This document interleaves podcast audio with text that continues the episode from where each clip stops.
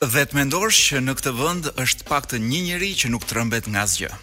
Dje pothuajse kam qarë, jo, dje kam qarë edhe me të madhe. Dje kam qarë për herë të parë mas kaq vitesh kur dëgjova kryeministrin. Se si Sigurisht që ishte ishte shumë i tronditur nga brenda, por mendoj që në fund fundit njeriu në mandatin e tretë e ka fituar të drejtën të jetë i sinqert me popullin e vet.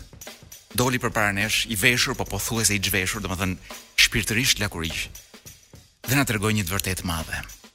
Pra u tregua shumë i sinqert. do ta hani sa krahu. Dhe un nuk kam ç'u bëj, ngriti dhe duart përpjet. Ë praktikisht ishte një moment, un do thosha në politikën e këtij vendi, një moment uh, për të mos u harruar kurrë. Kryeministri që vjen dhe të flet si vëlla, si motër. Të vjen dhe të tregon të vërtetën. Do ta hash nga të gjitha anët. Do ta hash nga energjia, nga çmimet, nga nafta, do ta hash nga të gjithë. Dhe nuk kam se çfarë të bëj. Me një elokuencë për t'u pasur habi, doli dhe i mori vetë përsipër të gjitha. Domethënë, që ju, se ka mes jush edhe nga ata të cilët, nesër do dalin dhe do shajnë oligarkët që na rritën çmimet, jo. Kryeministri doli e tha, merruni me mua, nuk është faji i atyre burrave. Arriti të parashikonte se çfarë do ndodhë, na bëri një panoramë të gjerë se ç'ka ndodhur në Kinë, cili është problemi i Koresë. Foli edhe për motin, sigurisht. Foli për dimrat e ftohtë amerikanë, për pranverat e lagështa europiane. Foli si një shkencëtar, foli si një gocë moti. Na i tha të gjitha hapur me zemër në dorë. Tani që ju jeni një popull që vetëm shani mbas krave, ky është problemi juaj. Por me atë burr aty që doli ju tha troç të gjitha nuk keni pse merreni. Ë një kryeministër i cili i thot popullit të vet do ta hash sa krahu dhe unë nuk kam çfarë të bëj. Jo unë, po askush nuk ka çfarë të bëj. Madje me një sinqeritet të dhimbshëm dhe therës tha ata që do ta hanë më shumë janë familjet, familjarët dhe bizneset e vogla. Domethënë të gjithë të tjerët janë të mbrojtur, po këto janë palët që do ta hanë. U preka dhe qava, sidomos kur me fjali ku, brenda të njëjtës fjalie, ishte Edhe informacioni që do ta ha sa krahu, por brenda të njëjtës fjalie ishte gjithashtu dhe informacioni i sukseseve të mëdha të këtij vendi. I një ekonomie të madhe që po ngrihet. I ringritjes së fuqishme nga ë nga armiku i padukshëm. Pra brenda të njëjtës fjalie, kryeministri arriti të arriti të fuste dhe një të ardhme të zymtë, por njëkohësisht dhe një të ardhme të shkëlqyer. Tashti që ju nuk dini ta dhe nuk arrini ta kuptoni dot kryeministrin tuaj, ky nuk është problemi i tij. Shihuni me të mbas 4 vjetësh. Tani do kthehemi me qënë se dele të dashura, do të kthehemi meqenëse nuk kemi çfarë i bëjmë kryeministrit edhe nuk kemi fare çfarë të bëjmë. Rëndësi ka që neve të protestojmë për vaksinat, por jo për ngritjen e çmimeve. Ëm si dele të lumtura që jemi, unë propozoj pak aheng. Madje kështu aheng alla putineska. Të mos ngatërrohet me ushqimet alla putaneska. Alla putineska është diçka alla ruska. Ky është një emision i sponsorizuar nga KGB-ja, domethënë nga ish KGB-ja, por që është FSB-ja sot, pra nga shërbime sekrete ruse. Marrim para edhe për lobime. Shpejt e shpejt sepse sipas DJ Wizit, një tjetër spiun rus në mediat shqiptare, kemi shumë pak kohë, kështu që do bëjmë një panoramë të shpejtë të ngjarjeve që mbyllën javën që kaloi. Atëherë çfarë kemi këtu? Kemi mbledhur një buqet me ndihmën e kolegut tim Florenc Zerellari. Ë kemi një buqet që vjen me të gjitha ngjyrat, ka jeshile, ka të zezë brenda, ja për shembull. lexoj këtu që paska një 29 vjeçar paska marrë peng përgjegjësin e zyrës arsimore. Kërkonte që t'i rikthente në punë familjarët. Dhe unë mendoj që ka vepruar shumë butë sepse unë të isha si ai, domethënë do të kisha filluar alla Corleone, domethënë duke therur një kalë në sytë përgjegjësit. Ëm ehm, çfarë kemi tjetër që një qytetar në takimin e Berishës paska thënë jam me arrest shtëpie. ë dhe i ka thënë përveç kësaj i ka thënë Berishës se jepi gaz se jam i pari që marr kallashin. Tashti juve ndoshta e dini Berishën kështu si kot, ë? Mirëpo le të themi që Berisha do vepra, jo llafe. ë kështu që gjithë ata që thonë do marr kallashin, po të kenë po të jenë burra e marrin dhe tregojnë para kamerave, siç bëjnë ku di unë ca repistë shqiptarë. ë Erdogani paska pyetur Putinin sa antitrupa ke nga vaksina. Dhe Putini u përgjigj, kam nja, ku di unë, 30 batalione tankesh në kufi me Ukrainën, pesëmbëdhjetë batalione në Krime, nja dhjetë spiunë në Shqipëri e të tjera të tjera. Shpërndante certifikata dezinfektimi të falsifikuara. E paskan arrestuar 58 vjeç tjetri në Berat.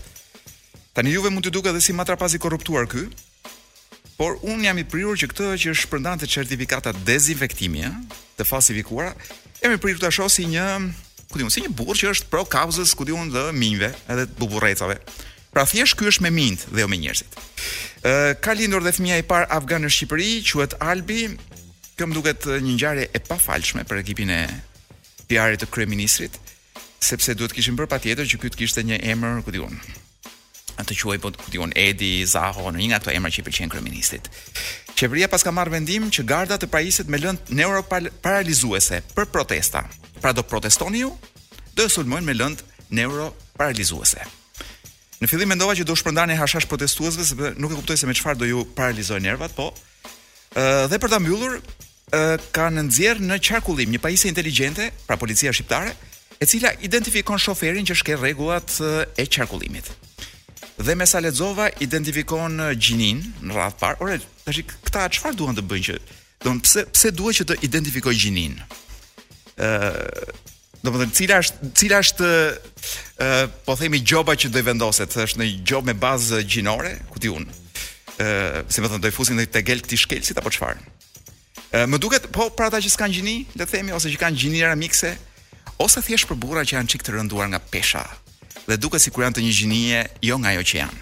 Nuk e di se si do ia bëjë kjo makineria, por do jetë një gjë shumë e bukur kur të çon gjobën në shtëpi, sepse de facto është një porno pajisje. E ka policia shqiptare. Ë do të kthehemi tek ngjarjet tona të mm, nxehta, tek patatet tona të nxehta, tek indianët tonë të nxehtë. Çfarë kemi? Kemi një kryeministër i cili del dhe thotë me plot gojën, ë që neve e mundëm pandeminë.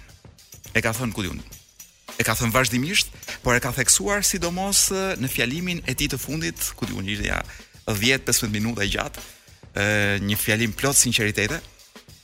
Dhe meqenëse tha që ne e mundëm pandeminë, dhe ashtu siç e mundëm pandeminë, do, mu, do mundim dhe këto hallet e tjera që po na vijnë, që janë të gjitha fatkeqësi natyrore, dhe asgjë nuk varet nga ai, dhe nga qeveria që ai drejton, Atëherë unë po i them zotit kryeministër bazuar mbi e, të dhëna statistikore të qeverisë së tij. Vetëm java që kaloi, pra java që mbyllem, që mbyllëm në lidhje me Covidin, paraqitet e tillë.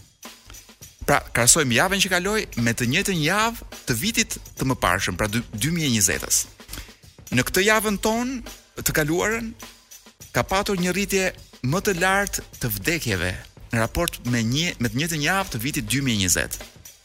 Kanë vdekur 56 njerëz më shumë, sepse në 2020-ën, në një javë si kjo që kaloi, kanë vdekur vetëm 17 njerëz. Por prapë ky është një sukses dhe ne kaluam pandeminë sipas kryeministrit. Kemi edhe shumë të dhëna të tjera, të gjitha të çojnë të gjitha tek i njëjti përfundim. Edhe po të shohësh numrin e njerëzve të të futur në spital, edhe numrin e rasteve aktive, ë të gjitha këto janë të rritura me një vit më parë, për javën që kaloi. Ë edhe raporti i infeksioneve me vdekjet është gjithashtu në rritje. Edhe numri i të infektuarve me numrin e testeve të bëra është gjithashtu në rritje. Ë numri i pacientëve të shëruar është në ulje. E, pra të gjitha shifrat tregojnë që pandemia jo vetëm nuk është kaluar, por një vit më parë kemi qenë më mirë. Pra ishim më mirë atëherë kur kryeministri thotë që ishim më keq. Dhe këtu vijmë te pjesa që ë publiku shqiptar është shumë i angazhuar, Dëshira për të protestuar. Pra dëshira për të protestuar kundër vaksinës në përgjithësi. Nuk kam parë kurrë njerëz që ta marrin me kaq zjarr protestën kundër vaksinës. Njerëz të cilët nuk kanë pyetur kurrë eh, as çfarë ushqimi hanë. As çfarë vaksinash të tjera kanë bërë. Njerëz që mendojnë që po na heqin lirinë. Le të flasim pak për lirinë.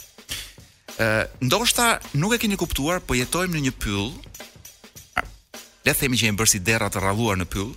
Po jetojmë në një pyll ku të gjithë drurët janë të numëruar. Pra tashmë çdo gjë është e numëruar. Çdo gjë dihet ku është, ku banon, të gjithë kemi një nga një kartë identiteti, të gjithë mbajmë një celular me anë të cilit na spiunojnë edhe dinë se ku jemi, çfarë po bëjmë, Të gjithë kemi rrjete sociale prej të cilave ata marrin vesh edhe çfarë dëshirojmë dhe çfarë ëndrrash kemi. Marrin vesh edhe se çfarë do donim, kush do donim të ishim. Çfarë na pëlqen për të ngrënë, sa herë shkojmë në banjo, të gjitha këto i dinë. Megjithatë ka njerëz që janë shqetësuar se po humbim lirinë prej vaksinave. Dhe gjithë kjo, me thënë të drejtën, më shqetëson shumë sepse kuptoj që jemi një jemi një shoqëri parademokratike, jam, jemi njerëz që thjesht funksionojmë në bazë të frikës, të frikës. Pak a shumë siç funksionojnë ku di unë kunadhet. Pra jemi në nivel kunadhesh. Kunadhet shohin një njeri me pushkë, dëgjojnë zhurmën e pushkës dhe vrapojnë nga frika. Neve nuk e vëmë trurin në punë, por thjesht kur dëgjojmë një zhurmë pushke ose na bëhet sikur dëgjuam, ne vrapojmë nga frika dhe dalim protestojmë. Pra, dy protesta mbaj mend në Shqipëri, kjo për vaksinat dhe ajo për lëndët kimike, që janë të dyja protesta totalisht idiote. Dhe nuk e di pse duhet ngatërrojmë uh, inatet që kemi me farmacinë, me farmaceutikën, e cila është një kriminele e madhe globale, nuk e di pse ngatërrojmë me këtë punën e vaksinës. Dhe nuk kam për ta marrë vesh kurrë.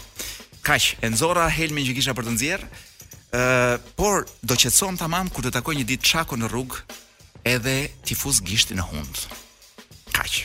Do doja shumë të dija si reagon ai njeri kur i fusin gishtin në hund. Ë, do të thënë, a reagon si gjithë budallinë e tjerë apo është një lloj budallaj i një natyre tjetër? Po do ta marrin vesh po të përballem me të në rrugë. Tani do të rikthehemi tek muzika për ta shpëlarë atë gjën me atë gjë, pra me gjë të mirë në fakt. Dhe çfarë kemi te muzika DJ Wiz? Po. Kemi ah, kjo puna e Çakos është si puna e kalamajve kur marrin pistoleta në dorë. nga njëherë ua lënë ua lënë dhe prindërit ose prindërit lënë pistoletat aty ku s'duhet dhe Çakos i ka mësuar dikush internetin shkon mëson gjëra në internet lexon gjëra në internet në internet i mbivendos në trurin e tij dhe vjen dhe ia jep publikut të gatshme si gjysmë të pjekura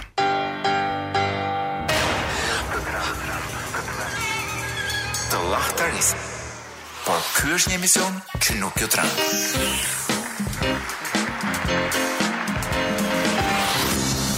Sot nuk është e hënë. Tani edhe mund t'ju llahtarisim pak, sepse kemi mbërritur në momentin e librit, dhe libri është, t'i tregosh librin shqiptarit është nganjëherë si t'i tregosh, ku di unë, kryqin atij që është i poseduar nga djalli. Do me thënë, "Ah!" thotë klith dhe ulëret, sepse i del ajo gjëja e keqe që ka brenda. Ë, por ky libër që kam në dorë, ç'është e vërteta, nuk është një libër si gjithë të tjerët. Është Zorba i Nikos Kazanzakis. Është dhe po t'u besosh këtyre listave të përpiluara nga këta të dijshmit e botës, është një nga 100 librat më të mëdhenj të, të letërsisë botërore. Unë mund t'ju them nga ana ime që nëse ju lexoni Zorbën, ata që nuk e kanë lexuar, Në fund të saj do t'ju duket sikur sikur keni takuar një person, pra sikur keni takuar një njeri që është Zorba. Dhe sikur e keni të gjallë para syve, pra sikur keni njohur dikë shumë të rëndësishëm në jetën tuaj. Sepse është realisht një karakter i rrallë, për të mos thënë i papërsëritshëm. Është botuar, ku di unë, me sa po lexoj këtu të parët që e kanë botuar janë në, në Prishtinë, Shtëpia botuse Rilindja në shtatë tetën, pastaj është botuar disa herë në Shqipëri. Versioni që kam unë në dorë është botuar në Selanik, përkthyer nga Stavri Dajo. Nga shtëpia botuese Literarus, në mos gaboj. Zorba pra, nga Nikos Kazanzakis. Gjëja e bukur e Zorbës është që mund ta hapësh ku të duash librin dhe kudo që ta hapësh do gjesh ndonjë gjë të bukur. Atëherë po e hap te kjo pjesa këtu, Është faqja tetëdhjetë e botimit që unë kam në dorë.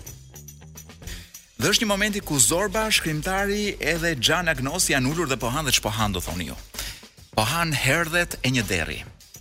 Herdhet DJ Wiz, për ty që unë e di që ti që je rritur nëpër diskoteka e di shumë mirë se ç'janë herdhet. Po për ata që ndoshta mund të mos e dinë termin herdhet janë një gjë kështu delikate e meshkujve, Kjo është dhe mënyra për të bërë ndonjë pra një nga format për të bërë një kalë synet është që i heqin herdhet ose për të bërë derrin synet. Pra kanë prerë herdhet e, e derrit dhe po i hanë, ndërkohë që derri është aty vërdallë i ziu në dhimbje. Dhe ja e, copra edhe nga biseda. Po lexoj këtu. Në çast, derri u turr me një kërcim të beftë, shtyu haporën e tharkut, doli me tërbim duke shfryrë nga dhimbjet e duke bulëritur thekshëm. Shkonte poshtë e lart para atyre të treve që rrinin në qejf të tyre e i hanin herdhet. Ka dhimbje derëziu, ia bëri Zorba me keqardhje. Ka si jo, Ka, si jo. Tha plaku i Kretës dhe bëri gaz. Po të t'i hiqnin ty zotrote?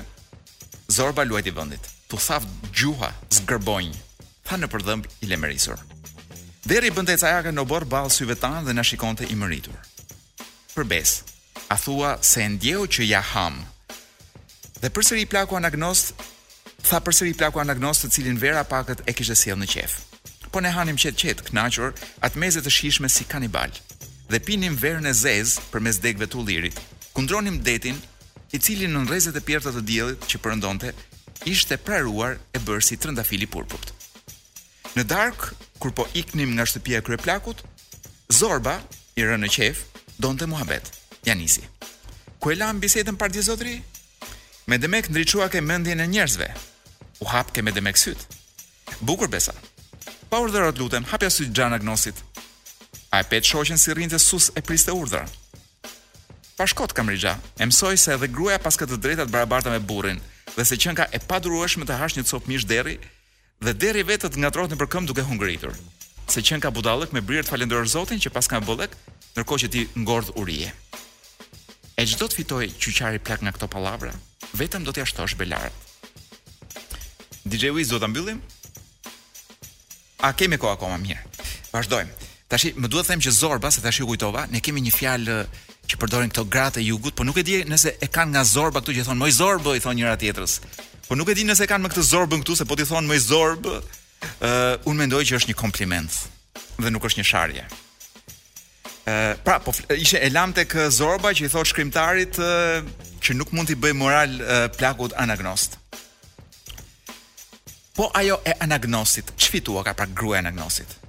Do të bëhet sherri sherr. Pra, nëse i thotë gruas së anagnosit që është e barabartë me të shoqin, ë? Do të bëhet sherri sherr, pa do të kërkojë pula të pa do të kërkojë pula të bëhet kokosh. E çifti do të na ngatërrohet e do të na kacafyten si gjela. Lëri njerëzit më qafsh, lëri të qetë dhe mos u hap sytë. Po u hape, ç'kanë për të parë? Sytë që të pëlcasin. Lëri pra, symbyllur të shohin ëndrra. Heshti një hop, kruajti kokën duke vrarë mendjen. Përveçse në qoftë se ha, çojm. Përveçse në qoftë se ti ke një botë tjetër që kur t'u hapësh atyre sytë, t'ua tregosh.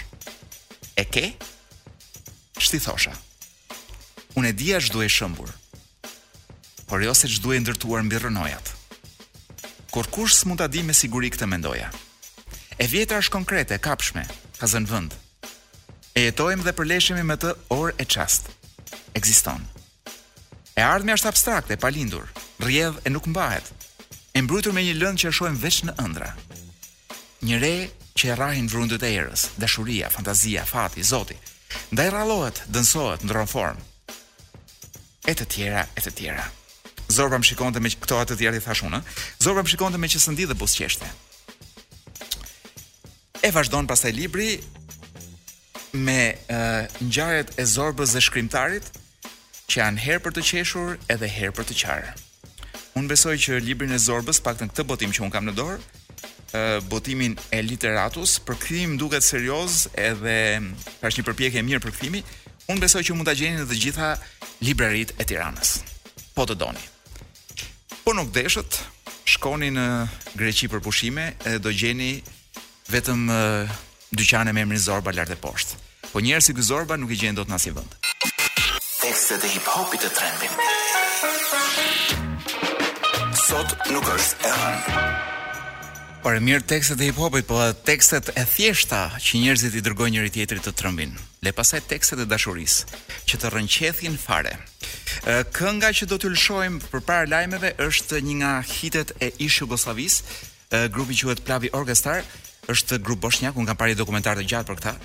Dhe gjëja që më bëri përshtypje në dokumentar ishte uh, fakti që nga një jetë shumë eksituese, sh me shumë aventura, një jetë prej rockstarësh, ky lideri i grupit kishte kaluar dhe bënte një jetë të qetë. Rrinte si i tërhequr. Pra ishte një njeri që nuk donte më të kishte atë jetën e e, e ngacmueshme edhe të emocioneve të forta. Arsyeja pse kishte ndodhur kjo mund të jenë shumë, por ka bërë atë që shumë njerëz kërkojnë në fakt, është dhe një sondazh i gjatë i bërë nga Gallupi ka dalë të enjten, e kanë bërë për 10 vjet rresht dhe kanë zbuluar që shumica e njerëzve preferojnë një jetë të qetë më shumë se sa një jetë eksituese. Është dhe Shqipëria aty. Dhe për sa i përket Shqipërisë, 71 mos gaboj e shqiptarëve do donin të kishin një jetë të qetë. dhe vetëm një grup shumë i vogël do donte t'i kishte të dyja, është dhe një grup tjetër pastaj që do donin një jetë me aventura. E vërteta është kjo që ajo jeta me aventura në fakt është një gjë që ndodh së jashtmi dhe ti përpiqesh të angazhohesh me atë kurse kjo është qetësia që nga së brendshmi me demek. Ky grupi që po ju flisja un, Plavi Orkestar, ky lider i grupit, kur ra Jugosllavia e gjeti veten duke i rënë, ku di un, i binte u bënë të varfër menjëherë dhe i binte muzikë, pra këndonte bashkë me grupin e vet në një lokal. Dhe në mes të luftarëve të ish-Jugosllavisë hin disa hyn disa çetnik çetnikë serbë në lokal. E njohin se ky kishte qenë shumë i famshëm në kohën e ish-Jugosllavisë dhe thonë ti je filani nga filan grup po. Na këndo këtë këngën. E këndon ky. Ata ishin gjithë me kallash. Na këndo prap. E këndon ky. Dhe siç tregon ky në dokumentarin që un kam parë, që titullohet Plavi Orkestar, Ai e këndoi njëqind apo dyqind herë këngën gjatë gjithë natës. Thjesht sepse ishte përballë me disa të fortë që kishin pushtetin në dorë. Dhe që nga ai moment ai vendosi jo më jetë prej rockstari, po një jetë të qetë për njeriu që shkruan muzikë filmash. Un jam Koloreto Cukali dhe sot nuk është e hënë. Dhe për ta për ta zbutur pak testosteronin e studios, ku është testosteroni im, Ai DJ Wizit, edhe një i një arushi të paidentifikuar që na kanë futur këtu në studio dhe na kanë rrasur diku andej në në divan. Dhe si të mos, ai Tom Waitsi. Po, ja, i mazërën e të Don është ka fiks zërin që do ketë Adi Krasta kur shkon 90 vjeç. Lum ai. Këtë, për këtë ke filluar dhe cigaren. Na ka hyrë në studio Blerina Shehu. Përshëndetje, mirë se ju gjej. E, Blerina ke ardhur pak përpara kohe, çfarë gjë e rëndë ka ndodhur? Ka ndodhur një tmerr i vërtetë Koloreto, gjatë rrugës që isha duke ardhur këtu, telefonata të shumta më kanë mbërritur në telefonin tim. Ka rënë qeveria? Me të rënë është, por jo qeveria. Kanë rënë rrjetet sociale. ka rënë Fejsbuku, ka rënë Instagrami, ka rënë WhatsAppi.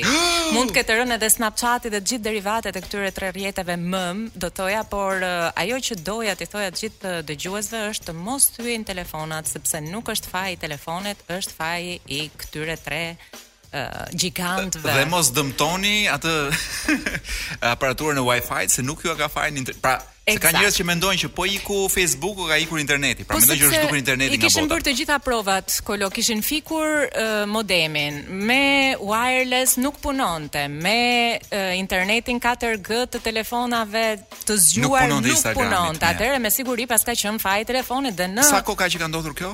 Mund të ketë mbi një orë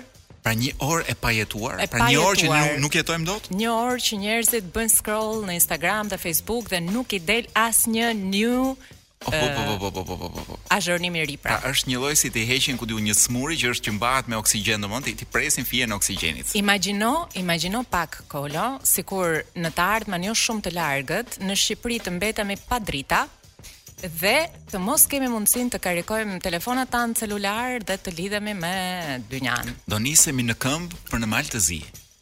Për si dikur. Vetëm për ta ngulur në prizën e parë mbas kufirit për të ngulur celularin. Si dikur. e, më duhet të them që në qoftë se vazhdon kjo gjendje me rrjetet sociale, mm -hmm. do me mhm. këto me Facebook, Instagram mm -hmm. dhe WhatsApp, mm -hmm. shumë të rëndësishme këto treja. Dhe ndoshta Snapchat. Jo, do të për këtë që dua të them, po. Snapchati nuk nuk nuk luan rol të madh. Unë të garantoj që për një muaj bie qeveria. Bie qeveria. Sepse qeveria shqiptare i bën gjithë mbledhjet me WhatsApp, pra nuk do të ketë më mbledhje dhe vendime. Ë qeveria shqiptare i merr votat vetëm duke punuar në rrjet Pra ekziston vetëm në Facebook edhe në Instagram. Ua, po të pra, jetë ky një komplet, komplot, komplot? Ky është, ky është një komplet me çarçaf, me jorgan me të gjitha, që thua ti për të na hedhur syve në kokë, pra na hedhin batanijet në kokë. Është një komplet batanijesh ky që na bëjnë. Ua, ua, Por po të heqësh Facebookun edhe Instagramin, qeveria nuk ka ç'të thotë. Pra ti ngelesh ngelesh përballë realitetit dhe sheh që nuk në të vërtetë nuk ndodh asgjë dhe qeveria s'bën asgjë dhe ndoshta qeveria nuk na duhet. Po ndoshta në këtë moment do të hynin më shumë në rol ato që ato televizionet apo mediat e tjera, ndoshta do të fillojnë të punojnë pak më shumë. Për, e ke fjalën për uh, redaksinë e lajmeve te Përputhen? Po, aty do fillojë të prodhohet lajmi i vërtetë. Okej. Okay. Tek përputhja. Dhe aty do fillojë e vërteta të dalë që andej. Ëh, uh, Më duhet të të them Ma thuaj. që Shpejto, më thuaj. Jashtë kësaj drame do të them për një dramë tjetër që zhvillohet ngadalë, që është ajo e Vettingut. Ë, Po që ka edhe pjesët e veta komike. Aha. Po lexoja listën e dhuratave, Aha. sepse këta njerëzit e kaluar në Vetting, e, pra prokurorë, gjyqtarë etj etj. Duhet të justifikojnë pasuritë e tyre. Sigurisht. Edhe ka ca pasuri që nuk janë nuk kanë fantazinë e e e Ajola Xoxës. Pasuri. Pra për të për të për të shpjeguar nga i vin fustanet. Nga gjyshja. E, po dihet që është Hasime Gabana, apo si si quhet ajo? Hizmete, kimete, dolce. Ëh. Uh -huh. Pra ndryshe nga Ajola që gjithmonë ka një gjyshe që i qep fustanet e veta prej 2000 eurosh, ë këta kanë gjyshe, po dikur s'ka dhe gjyshe se i kanë vdekur, kështu që ka për radhë dhurata të njerëzve të familjes. Dhe kemi me me vjehrra, me teze, Dhe ti për shembull sheh që tezja i ka dhuruar ja të lexoj. Për shembull, shembull konkret. Po shembull, po po po i kam këtu shembuj. Ja për shembull kapa një gjyshe, e kapa gjyshe këtu. Nuk do të them emrat emrat e prokurorëve se boll boll turpi që i kanë hequr dhe i kanë i kanë shkarkuar në veting, kështu që emrat s'po i përmend, po. Ë gjyshe ka dhuruar 22000 euro Kurse babai 35000 euro. Tash un besoj që babai kishte i kishte babai këto 57000 euro. Dhe i ndau. Por që me qenë që gjyshja gjyshja e shkretë ishte vetëm me pension, tha, po s'ia japim çunit për ditëlindje. Tha, na një na njëzet e dy mijë gjyshe. O Kolo, mban mend ti kohën kur shqiptarët i ruanin paratë e tyre të poshtë jastëkut? Imagjino sa i fryrë duhet të jetë një jastëk. Poshtë dyshekut, poshtë dyshekut të gjyshes. Poshtë dyshekut. Sa i fryrë duhet të jetë ai dysheku me 22 mijë euro? Sigurisht, sepse Sa gjyshja. Sa ishin? Ë, po këta me monedha mbajnë zakonisht se, se kanë edhe dëshirën që gjyshja të flerë. Ia duan t'ia shtrojnë me me hekur. Ë, mbahen poshtë krevatit të gjyshes eurot për një arsye, se edhe po hyri hajduti në shtëpi, vetëm ke gjyshja nuk, nuk besoj se i shkon mendja të ngrejë gjyshen. Gjyshja thërret jam këtu, jam këtu, po hiç. Eh, gjyshja do donte po sa hap gojën gjyshja ikën hajduti me vrap. Kemi pastaj çfarë uh, kemi këtu? Të afërmit njërit 40000 euro dhuratë. Ku janë këta të afërm? Pse s'na kanë qëlluar këta të afërm o DJ Wiz uh, që na japin, ku di unë, për për për për martesë po, hedhin 50000 lekë. Ore, ke pyetur ndonjëherë atë vllajën tënd, mos ka marrë ai ndonjë gjë që të takon ty? Po. Se në basës të duan ty ore. Mbase je ti negativ. Po, po, ka marrë një nipçe që më takonte mua dhe i ka rënë nipçe atit. Uh, pastaj kemi prindër që bëjnë, për shembull, prindërit ia bëjnë dhuratë bashkëshortes, jo nuses pra. Nuses sigurisht, Nuk, disa mijëra euro, të afërmi 40000 euro këtij tjetrit, vllai 2500 thotë. Ëm, nëna pensioniste. Aha. 4 milion lek të reja gjithmonë. Mm -hmm. Nëna pensioniste 4 milion lek dhuratë për gjyqtarin filan, të cilit për të njëjtit person i ka dhënë dhe vjehrri 25000 dollarë. Dëgjo mua më pëlqen që kemi mbërritur në pikën Nga 5000 euro djemtë, ku di unë. Që duhet të justifikojmë 4 milionsin, 4 milion lek, domethënë 400 a 4 40 milion. Të vjetra. Të po, vjetra. Po. Dhe tezja që paska qenë më e lodhura nga të gjitha që po të lexoj unë, tezja i ka dhënë pra gjyqtares. Aha. Tezja e bashkëshortit i ka dhuruar 2800 euro. Pra kur kanë bërë atë kur kanë hapur ato listat ku po. Paja, paja. Kur kanë shqepur dyshekun e gjyshes për të parë çka brenda, thanë, "Po kemi këto 2800 euro. Kush mund t'na i ketë dhënë?" Sa bukur ajo. Dhe pa nga DJ Wizi, DJ Wizi sa ka rrogën jo nuk i justifikon dot. Dhe gjetën një tezë të bashkëshortit, e cila luante kumar diku dhe i bënte lekët me kumar. Më duhet të them që nga kumari vijnë shumë para. Uh -huh. Një pjesë e madhe e këtyre 30% uh -huh. e pasurive që nuk i justifikojnë dot, kanë thënë kemi luajtur kumar në lagje. Unë poshtë pallatit. Poshtë pallatit. Por tani, uh, edhe sikur të kenë luajtur kumar, uh -huh. a duhet t'ia besojmë fatin e DJ Wizit, i cili kapet për 2 gram hashash në xhep. Po jo ky DJ Wiz, një tjetër në në Hungari. Ë, në qoftë se e kapin me hashash në xhep, a mund t'ia lëmë një kumarxhiu në dorë të vendosë fat, do të vendosë drejtësinë? Po, është tezja kumarxhie, nuk është nipi. Tani çfarë ka nipi që tezja merret jo, me po, kumar? Po, jo, jo, po flas, po flas për gjyqtarët, që, po. që nuk ishin teze. Aha. Ishin ishin fillikat pa shumë familjarë. Dhe thanë, i kemi fituar në kumar. Ah. Po pra po, kanë kanë thënë që kemi fituar në kumar, ku di unë duke vënë baste poshtë shtëpisë, duke luajtur te kazinoja. Në kohën e lirë. Në kohën nga një gjyq në tjetrin. Këta tani kanë 30% i kanë justifikuar me anë të kumarit. Është e qartë. Po kanë kaluar këta tani? Jo, pjesa më e madhe jo. Ë, uh, një dy të tjerë po përpiqen të shkretët, po kanë frikë se edhe këta jo. Mm. Po ikim thotë DJ Wizi. I fusin një dorë jo, jo, po, e prekin temat e drejtësisë. Ku ku një njeri që kapet me cigare hashash, gjendet para një gjyqtari që luaka kumar, DJ Wizi i del i del damari në ball. DJ Wizi bëj gati letrat. DJ Wizi. DJ Wizi do na lëshosh reklama, por prit çka kemi mas reklamave që ta mbajmë publikun në një në një Ua, ç'kemi një gjë. Ha more. Rrëqethëse, emocion i gjallë. Një tjetër lajm i tmerrshëm. Ky ishte Leonard Cohen për të gjitha tezet e Myslym Shyrit. Aha. Uh -huh. Fanset e emisionit. Në atë zonë për... na ndjekin veçanërisht, kam dëgjuar. Edhe për po, po pra, ne me këtë këngë përshëndetëm tezet 1. Mm -hmm. Fansat e emisionit që janë zakonisht 2-3, mm -hmm. që se dhe njëri nga këta gjendet te Myslym Shyri, ë njëkohësisht përshëndesin dhe Oscar De La Renta. Që kush është?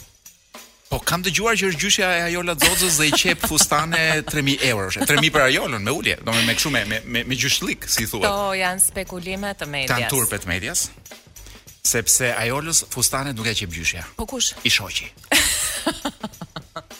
kam dëgjuar që e gdhin në bashki. E, I vjen për qëndisma. Aha. Po qëndis gjëra, buxhet, buxhete, vendime, tendera i qëndis. I qëndis, po tash kur qëndis tendera, atë njeriu e qëndis edhe një fustan se s'u bë qameti. Ë, uh, mirë, do të flas për do largohemi nga këto halle dhe kisha një lajm. Kisha jo kisha një lajm, po uh, ky është momenti më i dëgjuar në historinë e radios së Shqipërisë sepse ka rënë WhatsAppi, Instagrami, edhe Facebook-u të gjitha bashk po, në grup. Ëm, kështu që mund themi çfarë të duam dhe do të dëgjojnë shumë njerëz. Ëh. Uh -huh. Dhe unë dua të flas për Hitlerin. Pikërisht kështu, papritur. Jo, jo, do do dal von, si do dal çik më energjitike. do dal te Hitleri çik më von, po do okay. e nis me Kadaren, që thua ti. Ue? Sepse kjo është java, është java e Nobelit. Është java e Nobelit dhe po lexoja bastet, sepse të vetmit njerëz që u besoj janë bastexhinjtë, mm -hmm. ata të Londrës, mm -hmm. jo ata të Myslym Shyrit. Mm -hmm. Dhe po lexoja që për letërsinë gjithmonë aty vetëm garojmë neve. Sigurisht që garojmë edhe për qytetin më me ajrin më të pastër dhe me trafikun më të ulët në botë. Ëh. Uh -huh. Po atë e kemi të fituar, atë e kemi në xhep atë Nobelin atje. Po për letërsinë kemi kemi konkurrencë të fortë, kemi këtë japonezin Murakamin. Prap. Është ky këto vitet e fundit, është si në është në tav, kur thuhet. Ëm Dhe ky ka 11 1 me 11 janë shanset për ta fituar ky. Kadareja jon, ja të them unë ty, ku është kë kë kë ka ka ka ka vërtet që është listë e gjatë me gjithë ta kandidatët, është edhe një është edhe një japonez, jo Maryse, e pas ka emrin Helena, jo, s'është kadare kjo. Jo. Kadareja jon ta them unë shumë shpejt, shumë shpejt e ka që nga Milan Kundera akoma në lojë. Bukur. Me Kadareja është me 21. Pra një në 21. Po, është mundësia. Pra një me 21 ka Kadareja shanset për të Më bën përshtypje që këtë vit për ta marr nuk atë... është përfolur fare se zakonisht ajo furtuna që shoqëron javën më bën syt 1 në 27. Po m'u duk ajo shtata si njish. Po mirë, mirë. Dhe po thoje për që s'është përfolur. Nuk është përfolur, se zakonisht ngrihet një pritshmëri e madhe lidhur me shpërndarjen e çmimeve, është ky viti, s'është ky viti. Nëse s'do ta po- marrë këtë vit, kur do ta marrë? Po nuk të lë, nuk të lë kryeministri.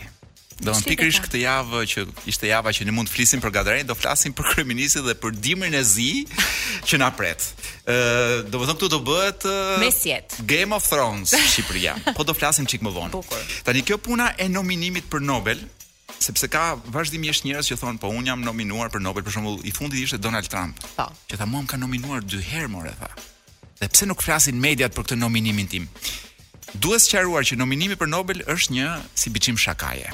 Edhe ne të dy mund të nominojmë dikë për Nobel. Do të ne të dy jo, po një institucion çfarëdo, pra njerëz të ndryshëm në botë me një lloj posti të caktuar mund të nominojnë. Për shembull, Trumpin e kishin nominuar parvjet mos gabohem, nja dy deputetë norvegjezë mos kupto, mos gabohem nga këta të djathtë fare, nga këta dy deputetë fashistë. Për këtë arsye lista është shumë e gjatë, a? Lista është shumë e gjatë me nominime. Imagjino si gjysmë me shaka ose edhe seriozisht është nominuar dhe Stalini nja tre herë. Aha. Është nominuar dhe Hitleri një dy herë të tjera. Mm -hmm. Ky më duket një herë për pik, një herë për pikturë. Tash të piknik. po dhe një herë tjetër kur thotë për piknik, për piknik nëpër ato dhomat e Smer. e famshme të gazit. Aha. Kështu që kur ka pasur një shans një shans Hitleri, jo? unë them të harrojmë Kadarenë dhe të vëmë, t'i vëmë baset te ky tjetri, te ky piktori jonë, se një Nobel mund ta kapi. Me gjithë atë PR që ka.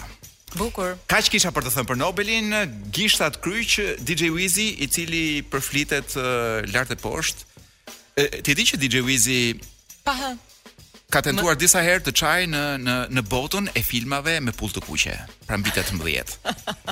dhe siç flitet lart e poshtë në radio thashetheme, thashetheme WhatsApp-i që edhe ka rënë dhe s'i verifikojmë dot. Aha. Flitet që e ka, mund ta themi tash se nuk na dëgjon njeri, Pje që një nga arsyet pse DJ Wizi uh -huh. pretendonte ishte që kishte një aparaturë të veçantë ndryshe nga meshkujt e tjerë.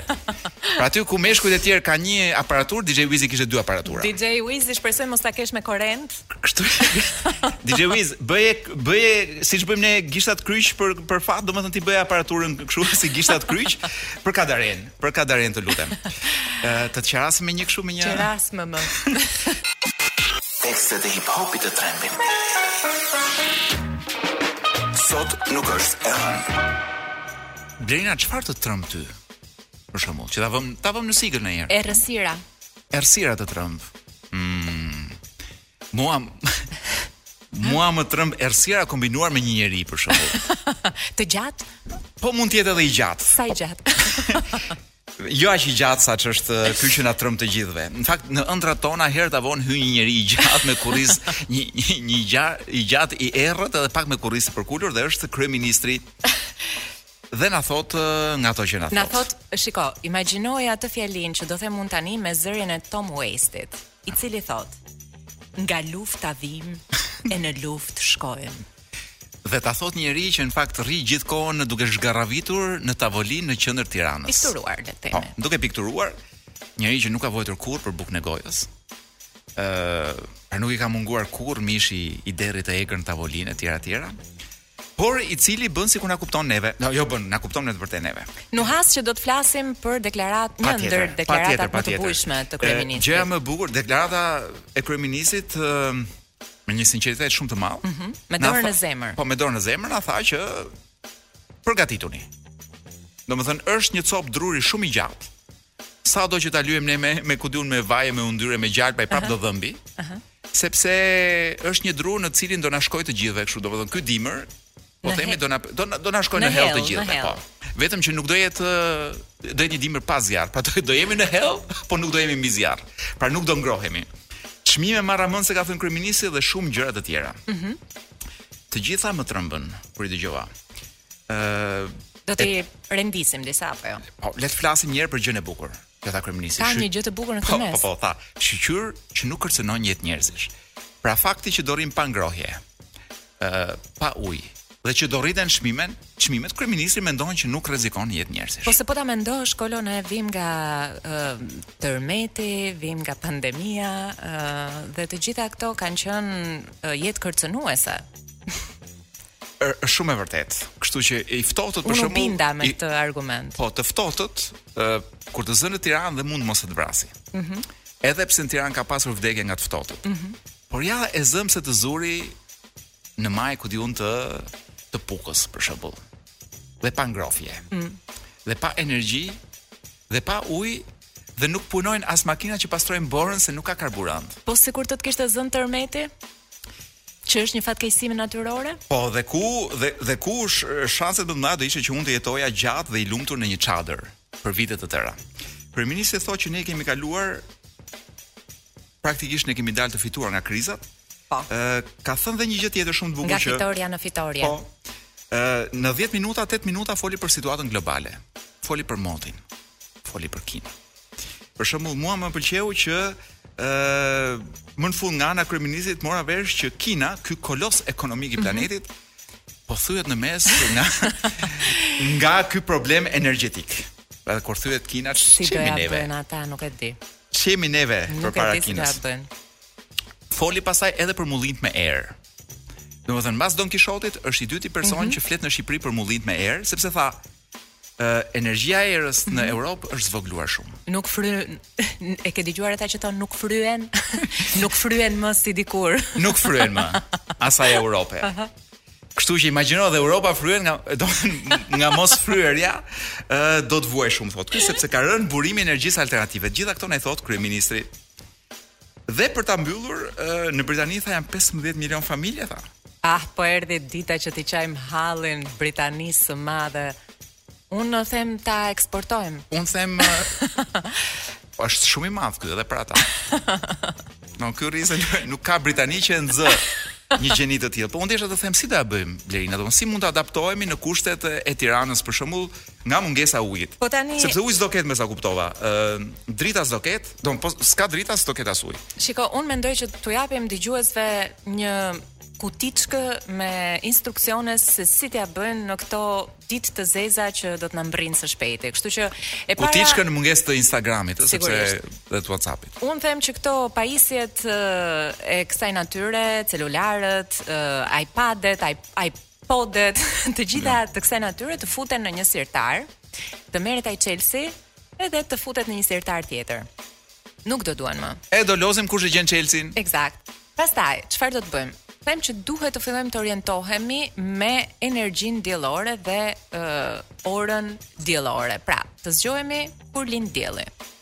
dhe mundësisht të zgjohemi në sheshin Skënderbej ku për momentin është i vetmi i vetmi vend që rrah dielli në Tiranë, domethënë nuk nuk ka ngelur më vend me diell. Mbas zgjimit herët, të lajmë në pusin më të afërt duart dhe këmbët ose puse shyqyr Tirana ka plot, puseta do thosha unë ka plot.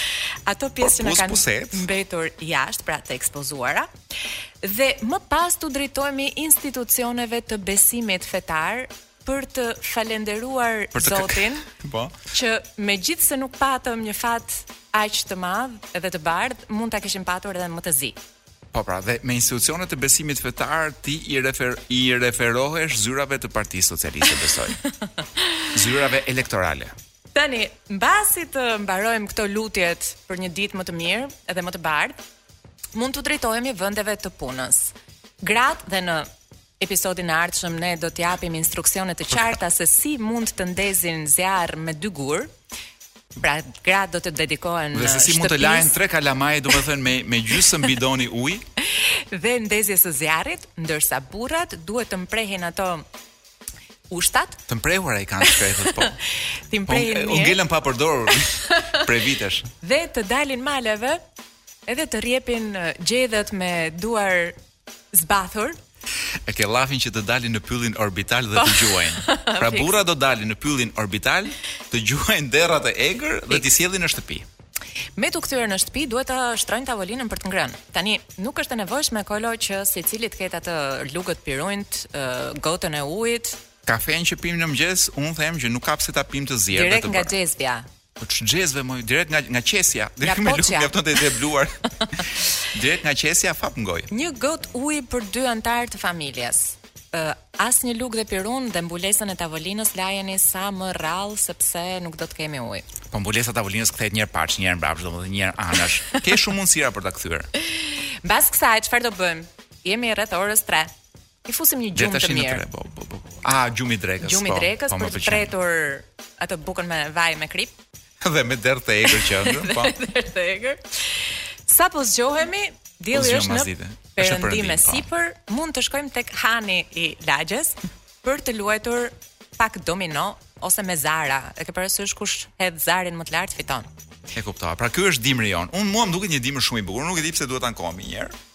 ë uh, më duket komplet uh, ndan shqiptarët dhe A mund të them një gjë që më rri këtu përbrenda? Thuaj, nxirre. Se thonë që ka dalë emri i një shqiptari në Panama Papers. I një biznesmeni shqiptar i lidhur me disa pushtetarë. A, a mos vallë është Ish... dhe emri i, i këtij krymsit tonë aty?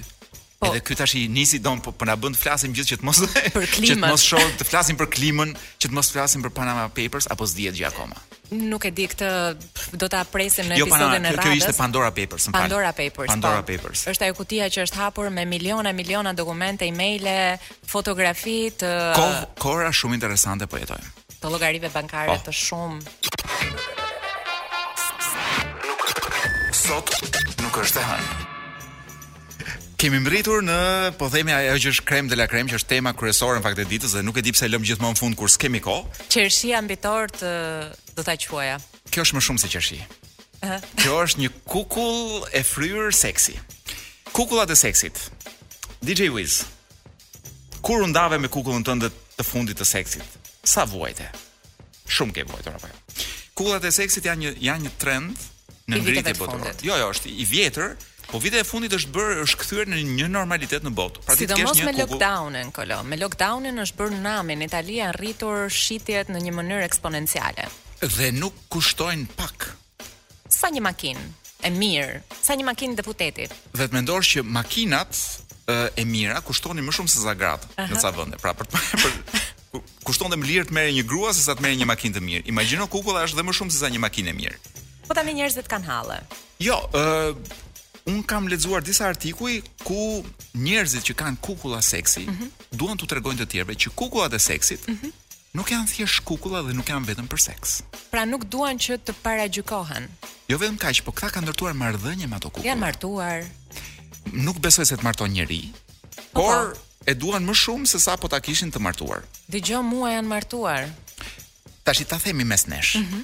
A themi gjithmonë që ti duhet të rrish me dikë që të të dëgjoj. Jo vetëm që jo, një që të dëgjoj, po e dyta që të të bëj një person më të mirë. Aha.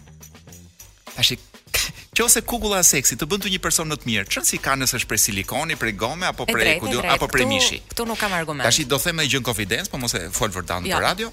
Unë do doja që DJ Wizin ma ndronin me një DJ silikoni. me buzë çik më të trasha. Tani Ë, pse do thua ti se DJ Wizi të smuret, fap ta zë Covidi. Ëh. Teshtin, të gjithë smundjet, një kukull silikoni nuk të bën asnjë nga këto gjëra. E vërtet. Kështu që edhe unë do doja, po këtu radio nuk ka fuqi financiare për të mbështetur uh, DJ prej silikoni. Po le të themi që kukullat e silikonit nuk kanë lindur për këtë uh, mansion, për këtë detyrë në gjenezë, pastaj sigurisht Kukllat, janë emancipuar. Kukllat e silikonit me kalimin e kohës edhe me anë të lëvizjeve uh -huh. feministe janë kanë arritur më shumë në jetë. Uh -huh. Unë po të lexoj se ç'thonë disa nga këta njerëz që kanë kukulla. Pahë, pahë. Ëm uh, artikulli që po lexoj është shumë i gjatë dhe ka bërë uh mhm. -huh. intervista me shumë nga këta. Dhe njëri nga këta i ka marrë leje dhe gruas. Uh mhm. -huh sepse gruaja me sa kuptoj un mund të vdes për ca arsye të caktuara shumë shpejt. Mm -hmm. Dhe ky mendon që që të mos ngelet vetëm, ka marrë dhe një kukull dhe gruaja thotë nuk ka problem, loz me kukullën tënde. Vetëm mos e nxirr vërdallë nëpër lagje të na marrin nëpër gojë komshinjtë. Na turpëroi. Po. Ë dhe problemi më i madh i këtij dhe i shumë të tjerëve si ky është, po kur të, se njëri nga këta që po lexoj mm -hmm. ka 18 vjet. Thashë 18 kukulla. Jo, te, e, se ka, është një pasuri. Ka nga ata që kanë më shumë uh -huh. se një kukull, nga ata bish për dredhurit. Po ky është serioz, ky ka një mm -hmm. prej 18 mhm. vjetësh. Mm -hmm. Dhe jo vetëm nuk e ndërron me një kukull tjetër. Por një pull mor si ka bër, domethënë. një pull biçiklete. Nuk ka bër gom kurr, ë. Kur thua ti mo një pull si gjen asaj kukulle, domethënë ta të duket si e re. Po se ka dhe instruksione të qarta se si duhen mirëmbajtur, pastruar edhe si duhet përkujdesesh për to. Verina, instruksioni më i madh është dashuria që ke ti për të. Eksakt, eksakt. Që të bën ta mbrosh nga çdo e keqe. Po tani çdo Bëj me Jo, problemi kukullën... problemi i këtij njeriu, i cili e quan atë me përkëdheli si shpirti im binjak prej silikoni. Aha. Pra duhet të kesh një shpirt silikoni që të kesh një shpirt binjak prej silikoni. Që këta vetëm vdekja do i ndaj, kjo është e qartë. Ky është i shqetësuar çfarë do ndodh me kukullën time pas vdekjes. Mund ta lër trashëgim. A mm. ky është problemi tashi kukullën time, a mund t'ja lë un DJ Wizit? I cili njifet për për marrëdhënie të të këqija me objektet e gomës. Dëgjo, mund t'ja lësh mund të gjesh ndonjë gjyqtar dhe t'ja falësh. Nuk janë pak, janë 18000 euro. Imagjino sikur gjysh e ka nga këto të vjetra që janë që janë kukulla pak në moshë, le të themi, po. Ë nuk kushtojnë më pak se 10000 dollarë, pra edhe kur janë të përdorura. Pikërisht. Po do donte DJ Wizi që kukullën e vet ta ta përdorte dikush tjetër? Se shiten vetë të përdorura.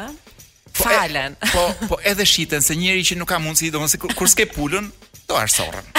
Unë kam unë kam asistuar në një ditëlindje para pak vitesh uh -huh. ku ë njeriu i ditëlindjes, regjisor edhe me emër madje, po t'ia thosha emrin do thonë ca veta që u kush qenka. Turp, turp. I cili në atë kohë ishte beqar, edhe shokët i dhuruan një kukull silikoni. Hë. Kukulla le themi ishte pak e shëmtuar për gustot e mia. Mm -hmm. Dhe ke parë ti që ky e mori kukullën si me shaka, si me humor dhe nuk e hiqte nga dora. Më vonë nuk ia linte njeriu ta shihte. Tash aty kishte njerëz që kishin ardhur me të dashurat, me gratë, edhe nuk ishin aq posesivë. Sa, sa ky me kukullën. Dhe unë bëra gabimin e madh që në një debat të zjarrtë me kukullën, mm -hmm. ti e di si jam unë kur kur, kur po, zien po. për çështje për çështje politike. Sidomos kur ke përballë një që s'të përgjigjet. kur zien për çështje politike dhe kukulla nuk e di se si më rrëshqiti dhe ra nga kati 9 ku bëhej ditëlindja. Çfarë thua Kolo? Përveç se regjisori nuk më flet, nuk më foli për disa muaj, por nisën disa ekipe shpëtimi për të gjetur kukullën, të cilën mezi e gjetëm Tek komshiu nuk kishte mbërritur gjer në tokë, se e kish kap një komshi diku nga kati i tretë. Dhe komshiu nuk e lëshonte. Domethënë, aty kuptova që kukullat nuk janë aq të parëndësishme në jetën tonë se sa duken. Ëh. Derisa të dalë një ligj uh, që zgjidh problemin e kukullave mas vdekjes, sepse shtëpitë funerale po lexoj këtu në Amerikë nuk ta marrin përsipër që të bëjnë një funeral dhe për kukullën. Po ajo nuk ka vdekur, mbi të gjitha si mund ta bëjnë. Apo kur vdes njëri vdes dhe tjetri. Vdes dashuria, vdesin të dy tash. Do do ia bëjmë si si si Kleopatra uh. që u varros bashkë me 10 të dashurit e vet, domethënë në varr. Ë më duhet të sqaroj për DJ Wizin që është njeri që bredh botën. Ëh. Uh -huh. Ë që ka për njerëz nga këta me me po me me shi, me shije të sofistikuara, po. Ë bota ofron edhe bordello për kukullat. Sepse na le pa fjalë fare. Po sigurisht, sepse ti nuk mund ta blesh një kukull Si mund të biesh në dashuri pa e provuar një herë kukullën, pa pa pa u njohur me të? Ata të ofrojnë mundësi të njihesh me kukulla të ndryshme, të kalosh dhe një natë me to, dhe ti mund të mendosh nëse ishte dashuri me shikim të parë apo jo. Ua, pa fjalë fare. Po Blena, më fal, pse habitesh? Sepse ne edhe kur njohim një njeri organik, pra me mish, për vërteti, S'na pëlqen njëri nuk martohemi direkt. E vërtetë, e vërtetë është edhe kjo. Mund të na hahet muhabeti, mund të bëjmë një herë seks, dy herë seks, po themi jo, s'jemi për njëri tjetrin, kalojmë te tjetri, te tjetri, te tjetri.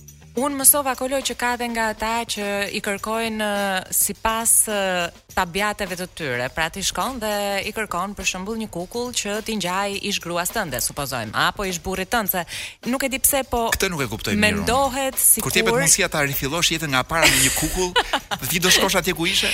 Këtë s'e kuptoj. Po mendo të gjithë ata që kanë mbetur të ve. Edhe kanë pasur një histori të bukur dashurie me partnerët e tyre dhe do donin t'i përjetësonin. Pse të mos ta bëjë nëpërmjet një kukulle silikoni? Po le të blejmë pikturat, le të blejmë pikturat e Edi Ramës them unë. për të përjetësuar dashurinë e tyre, a mundet të të qeras me një këngë për mbyllje? Një uh, gjigante. Kemi qenë në Top Albania Radio për gati 2 orë, mm -hmm. rikthehemi sot një javë në orën mm -hmm. 6 të pasdites. DJ Wizi në pult, Blerina Shehu me mua në studio, Florenz Rellari që më ka ndihmuar uh, me materialet, Klisi e cila na Sot ka ngelur pa punë se nuk punon Instagrami dhe nuk na promovon dot nëpër Instagram emisionin. Ne do të ridëgjohemi javën që vjen.